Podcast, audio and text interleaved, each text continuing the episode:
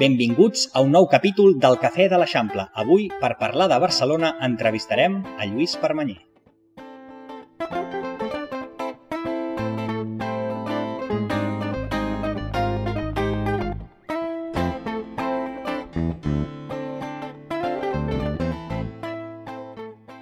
Avui ens acompanya en Lluís Permanyer, nascut a Barcelona l'any 1939, es va llicenciar en dret, però s'ha dedicat des de molt jove al periodisme. Va col·laborar a la revista Destino, on va donar a conèixer el qüestionari Proust, i des de 1965 escriu habitualment a La Vanguardia, on és des de 1987 cronista de la ciutat. Home reconegut per la professió, ha guanyat els premis Luca d'Etena i Ciutat de Barcelona de Periodisme. Atret per la ciutat natal i bon coneixedor de la seva història, n'ha esdevingut cronista, tot i que va rebutjar el nomenament oficial per aquest càrrec honorífic. Destaquen els llibres dedicats a la ciutat de Barcelona i els retrats d'artistes cèlebres com ara Sagarra, vist pels seus íntims, Miró, 90 anys, Tàpies i la nova cultura, o Brossa per Brossa, entre molts altres.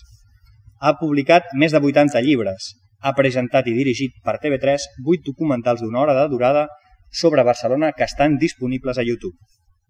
És patró de la Fundació Joan Brosa per expressa designació del poeta. Avui el capítol constarà de dues parts. Una primera que farem una immersió en la Barcelona de principis del segle XX i una altra, per, en aquest cas, per redescobrir la ciutat. Després farem una segona part on li preguntarem al convidat com veu el present i com veu el futur de Barcelona. Benvingut, Lluís, al Cafè de l'Eixample. Encantat d'estar aquí. Uh, bé, comencem les primeres uh, preguntes i, per tant, començarem la nostra immersió uh, a l'Eixample del segle XX. L'any 1840 a Barcelona hi vivien 187.000 persones. L'àrea que ocupava la ciutat restava invariable i les muralles que envoltaven el nucli urbà feien impossible la seva expansió. Si la ciutat necessitava créixer, només ho podia fer en alçada, afegint plantes als edificis que ja existien o inventant-se nous espais a través dels arcs. L'any 1841, l'Ajuntament va convocar un concurs en què demanava unes idees sobre els avantatges que reportaria l'enderrocament de les muralles.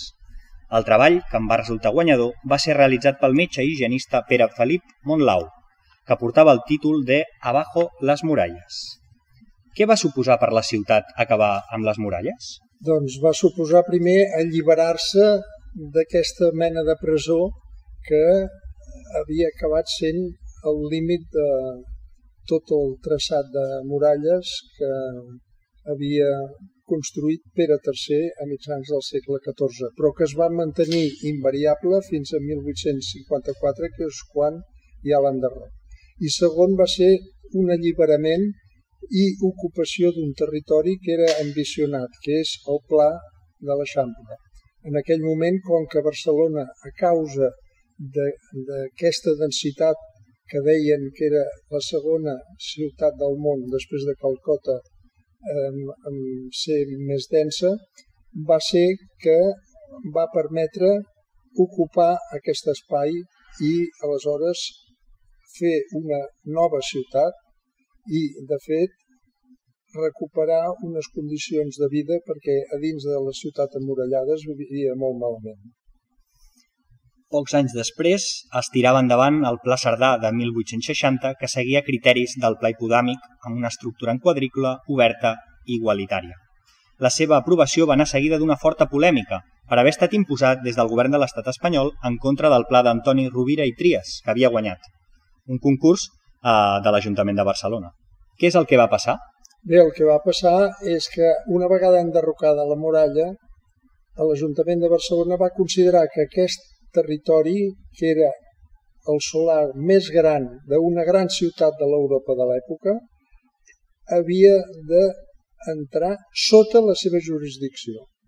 Madrid va considerar el contrari, degut a la dimensió, però també degut a una altra qüestió, que és que en ser tan gran afectava a set municipis. I aleshores va veure que si es feia aquesta sessió a l'Ajuntament de Barcelona podia ser un, un motiu de conflicte i de desgovern. I aleshores va ser quan va decidir que en comptes d'estar sota el Ministeri de la Guerra que s'havia mantingut des de 1714, passava sota el Ministeri de Foment. I aleshores calia triar qui ho faria. L'Ajuntament va convocar un concurs, el Ministeri no va reconèixer la, la necessitat d'aquest concurs i va assenyalar a dit a Ildefons Cerdà. Per què? Doncs perquè Ildefons Cerdà era un home que en aquell moment que eh, eh, en el govern central hi havia una onada de progressisme, el Cerdà representava un dels seus homes i era la primera promoció de l'Escola d'Enginyers de Camins, Canals i Ports, que només eren set alumnes i ell va acabar en la primera promoció. Per tant, era un home que coneixien i, a més a més, era oficial de la Milícia Nacional, que era gent que tenien l'uniforme militar tancat en l'armari i cada vegada que hi havia una revolta antiliberal es posaven l'uniforme, agafaven el sabre i sortien al carrer a defensar la Constitució. Jo crec que va ser una sort que es prenguessin aquestes decisions i aleshores l'Ajuntament va muntar en còlera i va dir, ja que no podem actuar, ho farem a base de les futures ordenances que ens anirem carregant tot el que podem d'aquest pla. La primera quadrícula de l'Eixample era la que avui coneixem com la plaça Catalunya. Com, com ens l'hem d'imaginar fa 150 anys? Bé, eh, en aquella època la plaça Catalunya no existia encara, perquè el Cerdà no la va projectar. Va eh, ser com a plaça el 1902. El que passa és que eh, aquestes quadrícules van anar creixent a poc a poc amb un cert ordre i trobo que va ser un inici bastant enraonat i sense gaires conflictes. Però després l'Ajuntament va anar pervertint aquesta, aquesta línia i va començar a fer ordenances, per exemple, una que va ser bastant important. Va permetre que la fundària de, la, de les cases que es construïssin tinguessin més penetració cap al centre, amb la qual cosa subvertia el que havia projectat el Cerdà. El Cerdà va projectar que el centre de totes les mansanes de l'Eixample havien de ser jardí o bé hort. Allà on visc jo, que és la mansana limitada per la plaça Orquinaona, al carrer Pau Claris al carrer Casp i Roger de Llúria, encara hi ha una palmera d'aquest jardí originari perquè la casa on visc és de 1871. Això, doncs, és una demostració. Després va acabar permetent alçada i així va anar canviant tot el que va poder, fins després amb el gran projecte del, del sistema d'enllaços que va guanyar el Jocelyn. La plaça de les Glòries havia de ser, segons el Pla Cerdà, també al centre de la ciutat, però ara mateix no ho és. Bé, per, per què exactament? Sí, quan jo pronuncio una conferència sobre la Diagonal i quan començo a parlar de la plaça de les Glòries, dic que mentre no se'n demostri el contrari, de moment ha estat la plaça de les derrotes catalanes i ja veurem com anirà la deriva, perquè poden acabar les obres, però em fa l'efecte que el projecte urbanístic no és gens encertat. Per què va passar això? Doncs va passar una cosa que és una, una cosa curiosa en, el, en el, la història de la humanitat, que és que diu que els grans creixements i les grans migracions sempre segueixen la línia de la, del sol, és a dir, el, el llevant i després el ponent, doncs cap a ponent. En aquí veiem que, malgrat que la plaça de les Glòries quedava una mica cap a llevant, al centre de l'Eixample però cap a llevant, va ser que el creixement va anar més cap a ponent i va quedar oblidat. Per què? Hi ha uns altres motius. Sant Martí de Provençals no ha tingut mai la força d'atracció que ha tingut Gràcia. Segon, el parc de la Ciutadella és un tap que tallava la connexió amb aquest costat i els barcelonins sempre han tingut una obsessió de eh, tenir totes les coses molt a prop de casa i quan topaven amb una cosa d'aquestes doncs rebutjaven. I això va influir, però la tercera cosa que encara va influir més va ser dos línies de ferrocarril, perquè en allà es va fer la connexió ferroviària el 1881. I aquesta connexió va durar fins als Jocs Olímpics en què gràcies al Boigues es va soterrar allà i es va poder eh, perllongar la diagonal fins al mar. Un moment que el Pasqual Maragall el va viure eh, d'una manera molt emocionant. Hem parlat de la plaça Catalunya, hem parlat de la plaça de les Glòries, ara estem aquí al Cafè de l'Eixample, al, pas al Passeig de Gràcia, que s'ha transformat en un dels carrers més luxosos del món. I el tret distintiu és haver aconseguit un maridatge perfecte entre patrimoni arquitectònic i l'oferta comercial d'alta gamma. Amb els Jocs Olímpics, el prestigiós urbanista nord-americà Alan Jacobs el va incloure en el seu llibre sobre els carrers més importants del món, Great Streets, posant-lo a l'alçada de la cinquena avinguda o dels camps Elisis. Però anem pas a pas. Com ha evolucionat el passeig de Gràcia després de la caiguda de les muralles i durant aquest segle XX? Bé, abans de caure les muralles ja apareix el passeig de Gràcia gràcies a un capità general que per eh, contrapesar una crisi que hi havia econòmica que afectava molt directament a la classe obrera, va decidir convertir el caminet que anava del portal de l'Àngel fins a Gràcia amb una avinguda per donar feina a aquests treballadors que estaven aturats. I el 1827 es va inaugurar. Es va inaugurar i tenia ja llavors la mateixa caixa cara. Al cap de molt poc temps, com que era un lloc agradable per anar a passejar i els que tenien temps per anar a passejar era la burgesia, van començar a mm, viure aquest espai i això va atraure a posar-hi una sèrie de um, elements que um, amorosissin una mica aquest passeig. S'hi va posar algun cafè, aleshores va tenir èxit, això es van ampliant i es van fer, pujant a mà dreta i pujant a mà esquerra, espais amb, amb escenaris.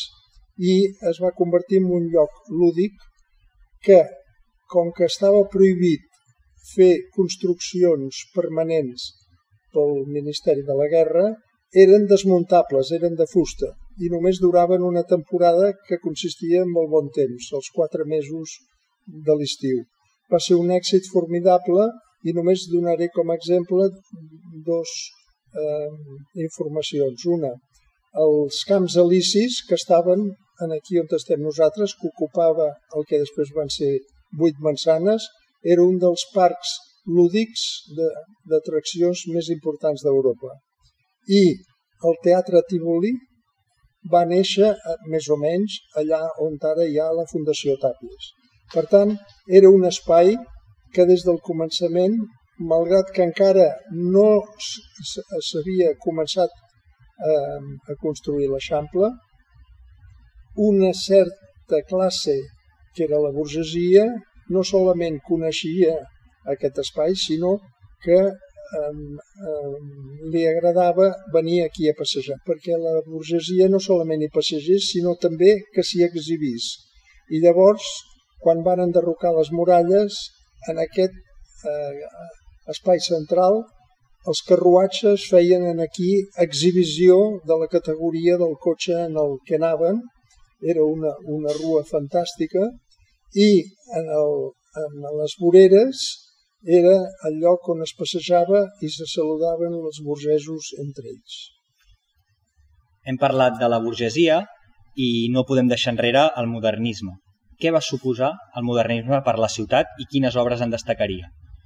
Bé, per la ciutat va, va ser un element importantíssim perquè va donar diversitat i categoria i visibilitat a l'arquitectura, perquè el pla de l'Eixample que va projectar el Cerdà és una peanya fantàstica per lluir l'arquitectura. I d'això se'n van adonar de si els propietaris i els arquitectes i després d'un període anterior en què hi havia doncs, una, una arquitectura de, bastant anònima va ser quan l'esclat del modernisme va ser espectacular i es va convertir en una mena de eh, competició entre arquitectes i entre propietaris a veure qui feia la casa més alta, la més eh, ornamentada, la més ortodoxa o bé la més heterodoxa. I tot això d'una manera eh, natural i sense organitzar res. I gràcies a això és el nucli modernista més important d'Europa perquè el modernisme va començar aquí abans que Europa. Eh, a la Fundació Tàpies, arran de terra, hi han quatre obertures que donen luminositat al subsol i hi ha encara les reixes en la que el Domènec i Montaner hi va fer el primer coup de fouet, el, el llàtic, que és el, el, un dels símbols, el triomf de la curva del modernisme.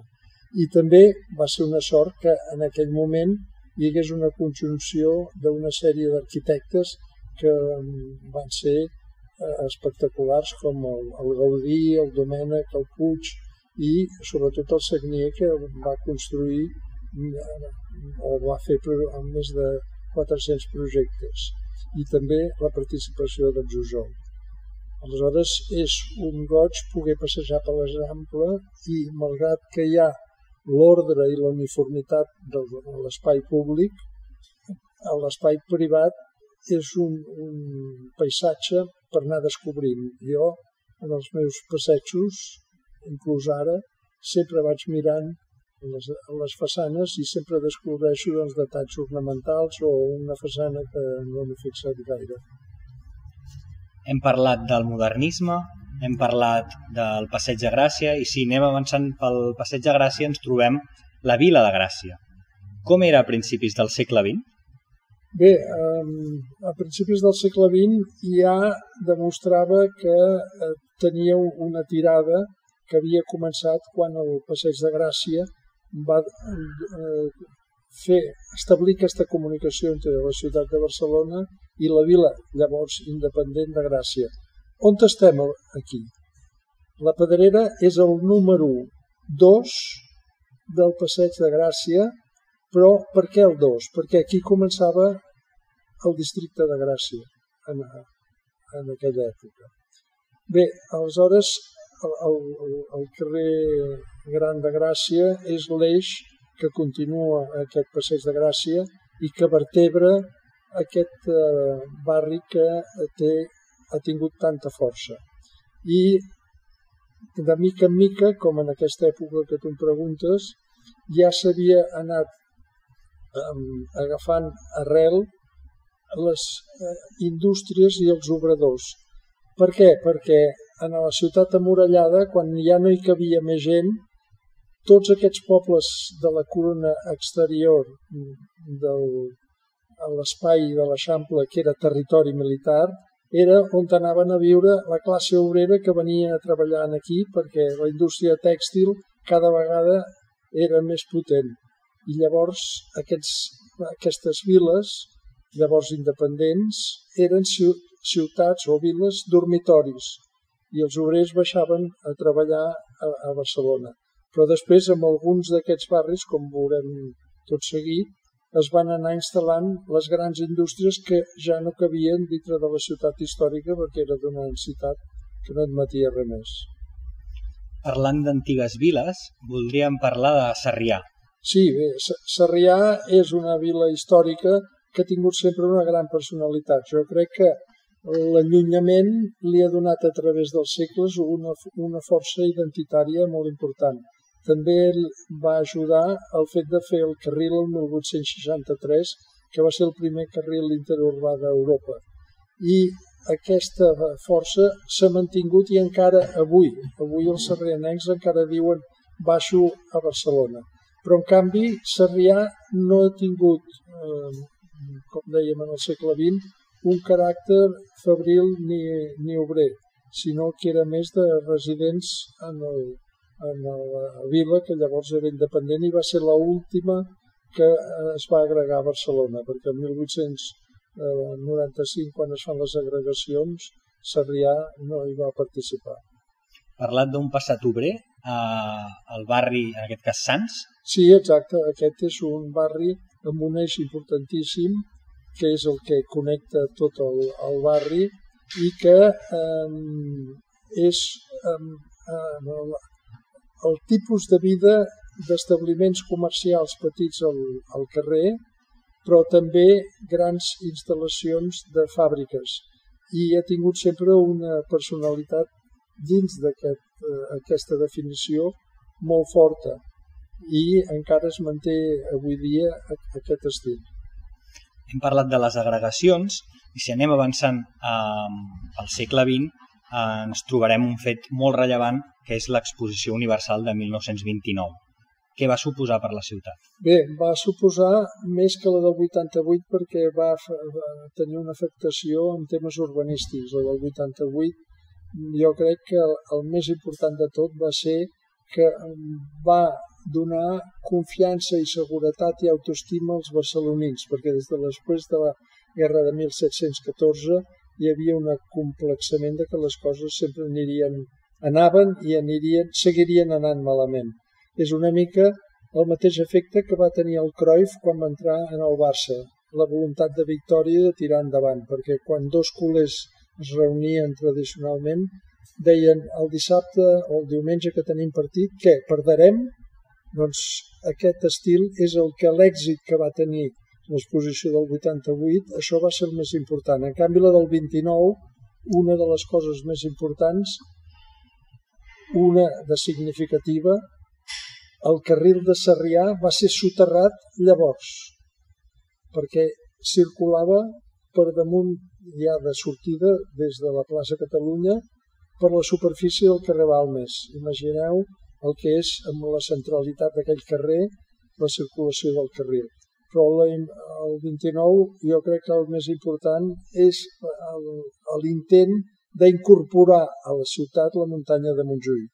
I hi ha un detall sociològic eh, i, i, i no gens preparat, sinó impulsiu, que demostra fins a quin punt això es va produir. La verbena la, la rebella de Sant Joan del 29 va fer que gairebé un milió de persones la passessin a la muntanya de Montjuïc. Això vol dir que sense que hi hagués cap consigna els ciutadans van veure que era un territori nou i que se'l volien fer seu. I també, junt amb la del 88, va donar confiança a Barcelona de que eren capaços de fer grans esdeveniments com aquests amb resultat d'èxit. Parlem ara de l'alcalde Porcioles en ple franquisme. Com recorda aquesta època per la ciutat? Bé, aquesta època eh, té una part positiva i una part negativa. La positiva és que després dels alcaldes anteriors era un home amb un sentit catalanista, però també franquista, i que estimava Barcelona de debò i que tenia una visió bastant eh, clara del que s'havia de fer la ciutat perquè abans no es feia pràcticament res i aquest és el que va aquest alcalde és el que li va donar un impuls notori de desenvolupament. El que passa és que és innegable que va ser una etapa de desenvolupament, però el, aquesta actuació com es pot fer? Doncs es pot fer sota el signe de la honradesa, però també sota el signe de la eh, corrupció. I va ser un desgavell en aquest sentit. Eh, jo crec que el Buigas fa una crítica bastant curiosa, que trobo que també és una mica encertada, que deia eren millors els altres alcaldes perquè no feien res. Però el Porcioles va fer moltes coses, però les feien mal fetes. Bé, algunes sí i altres eh, no tant interessant aquesta reflexió sobre el període franquista. Uh, després del franquisme uh, venen els primers ajuntaments democràtics que es van haver de trobar una ciutat doncs, que havien de cosir amb zones marginals que calia transformar. Com era la Barcelona degradada que existia i quines zones en destacaria? Doncs eh, la Barcelona que havia deixat el Porcioles havia, hi havia una part nova, creativa, però una altra molt descuidada, una ciutat bruta, grisa, ensupida, i sobretot amb aquestes eh, instal·lacions immobiliàries perifèriques que va ser un dels signes que va tenir el Porcioles. Aquests eh, barris perifèrics, la part arquitectònica era bastant acceptable, però en canvi l'Ajuntament no endreçava tot aquell espai. Els carrers eren de terra, les, els, els serveis no estaven a, a, a l'alçada del que calia i es van convertir en una zona de conflicte i per això les associacions de veïns encara sota el franquisme va ser un dels moviments ciutadans reivindicatius més importants perquè reivindicant que volien un tramvia al barri o que volien asfaltar o que volien una plaça era una manera de fer crítica municipal i, a més a més, també crítica contra la dictadura. I eh, en aquest sentit, doncs, va ser un moment en el que tot això es va haver d'endreçar i de cosir. És allò que deia el Buigas, que el problema és que ha fet moltes coses i després les mal fetes valdria més que no les hagués fet. Aquesta va ser la realitat. I ara explicaré una anècdota del Buigas quan el van fer delegat d'urbanisme. Va descobrir Via Júlia, i va descobrir un túnel semisoterrani que s'havia fet en l'època del Porcioles, suposo per estalviar. I llavors el Buigas, en veure això, literalment va dir «Hòstia, això no ho arregla ni Le Corbusier». Doncs bé, en l'etapa d'ell com a urbanista es va cosir, es va arreglar i va ser un dels punts que va decidir que s'otorgués el Premi Internacional Príncep de Gales de la Universitat de Harvard per la cura, meticulositat i qualitat en què es van anar recosint aspectes secundaris de la ciutat. El 8 d'abril de 2020 hi va haver un debat al CCCB amb motiu de la publicació del llibre Llums i ombres de l'urbanisme de Barcelona de Jordi Borja. En aquest llibre, l'autor es planteja diverses qüestions de fons relacionades amb el desenvolupament de la ciutat, com per exemple que hi ha un abans i un després dels Jocs Olímpics. En aquest sentit, li voldria preguntar si creu que hi ha una continuïtat de l'urbanisme públic des de finals dels anys 70. Bé, des de finals dels anys 70, sí. I després dels Jocs Olímpics també una mica, després ja no. Però va ser tan forta la, la petjada que va deixar el Buigas i després la manera com amb els millors arquitectes del moment que es van sumar i van aportar la seva creativitat per eh, actuar a favor de la ciutat amb una il·lusió semblant a la dels voluntaris, eh, tot això doncs, va deixar un, un creixement d'una qualitat extraordinària, tant urbanística com tant arquitectònica.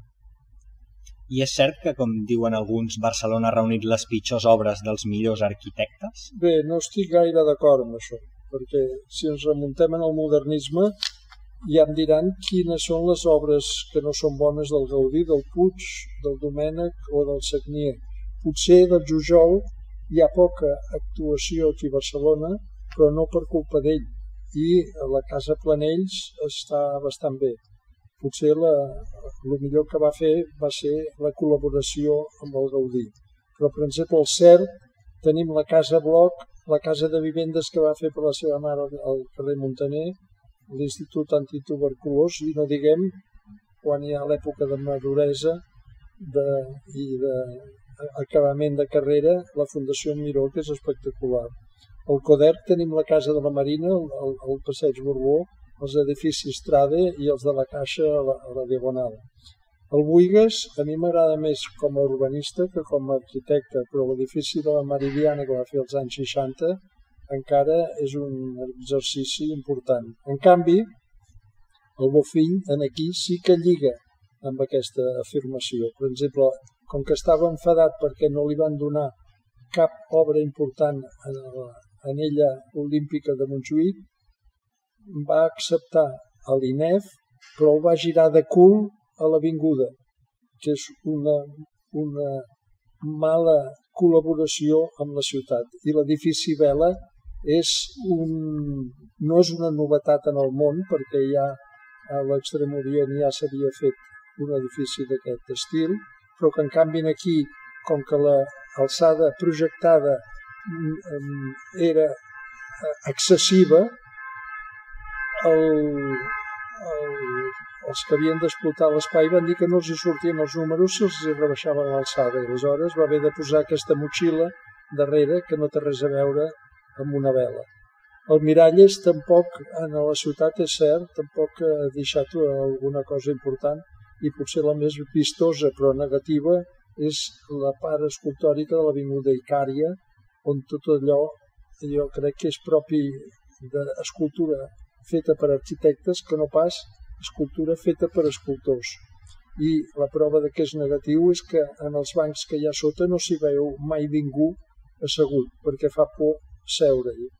En canvi, el Correa, el Federico Correa, doncs va fer l'ampliació de la Diputació aquí a la Casa Serra, a Rama Catalunya, i després l'edifici Talaia, que és millor que l'edifici de la Torre Berlasca amb la qual ell s'havia inspirat. I no diguem el Mitjans, que va ser el primer que el carrer Amigó va fer el, la façana en terrassa, que després ha estat una catàstrofe en el centre de, de l'Eixample, perquè el carrer Amigó sí que és lògica una terrassa per donar relació amb l'exterior, però no pas amb l'Eixample, dominat per la circulació. I va fer el millor camp de, de, de futbol que hi havia en el moment al món, que és el, el Camp Nou. I també el Banc Atlàntic, que està inspirat amb l'edifici Pirelli de Milà, és molt superior al Banc Atlàntic que va fer aquí al mitjans que el que van fer a Milà. Els Jocs Olímpics van suposar per Barcelona el gran salt en la seva transformació i la seva projecció al món. Fer uns Jocs d'hivern és una gran idea o és una prova de manca d'idea? Jo crec que no és gaire encertada i em pregunto si el canvi climàtic perjudicarà tot això, perquè i si ens quedem sense neu, què farem? O sigui que és una aventura que la trobo una mica conflictiva. No m'estranya que la gent del Pirineu la vulguin, perquè és una millora per ells, això. Ara, el prestigi de, de Barcelona que s'hi vincula eh, i, i Catalunya amb un futur incert ho trobo una mica agosarat. Quan Joan Clos era alcalde van voler investir-lo amb la medalla d'or de Barcelona. Ho va rebutjar. Sí, sí, sí, perquè... Per què? M'interessa estar lluny del poder, sobretot quan fa gests com aquests que són eh, propis de, el dit que assenyala i no d'un jurat o d'un tribunal que decideix doncs, donar un, un guardó, aleshores és completament diferent. I per això també vaig rebuixar des de bon començament el títol de cronista oficial de la ciutat perquè no volia que em creguessin com alguns companys del diari em van preguntar quan corria aquest rumor de si cobraria un sou de l'Ajuntament. No es cobra cap sou, però si els companys del diari creien això, què és el que no pensaria el ciutadà? A mi el que m'interessa és donar una, un, un perfil d'independència. Jo pertanyo a un partit que es diu Barcelona, que és monoplaça, que sóc jo sol. I si m'equivoco, que em puc equivocar evidentment, eh, sóc jo que m'equivoco i no pas perquè hi ha algú darrere meu que m'empeny.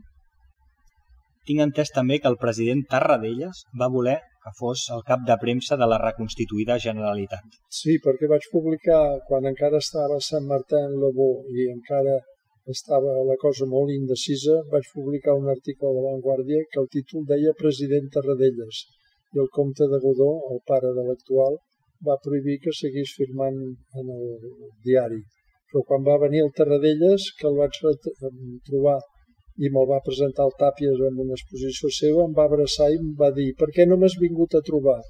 I aleshores va ser quan al cap d'una setmana em van proposar si acceptava ser el, el cap de premsa de la Generalitat que aleshores s'acabava d'instaurar. I vaig decidir que no, perquè de la mateixa manera que tampoc vaig eh, acceptar eh, propostes per tenir càrrecs de responsabilitat a la redacció de La Vanguardia perquè el que jo volia era dedicar-me a escriure.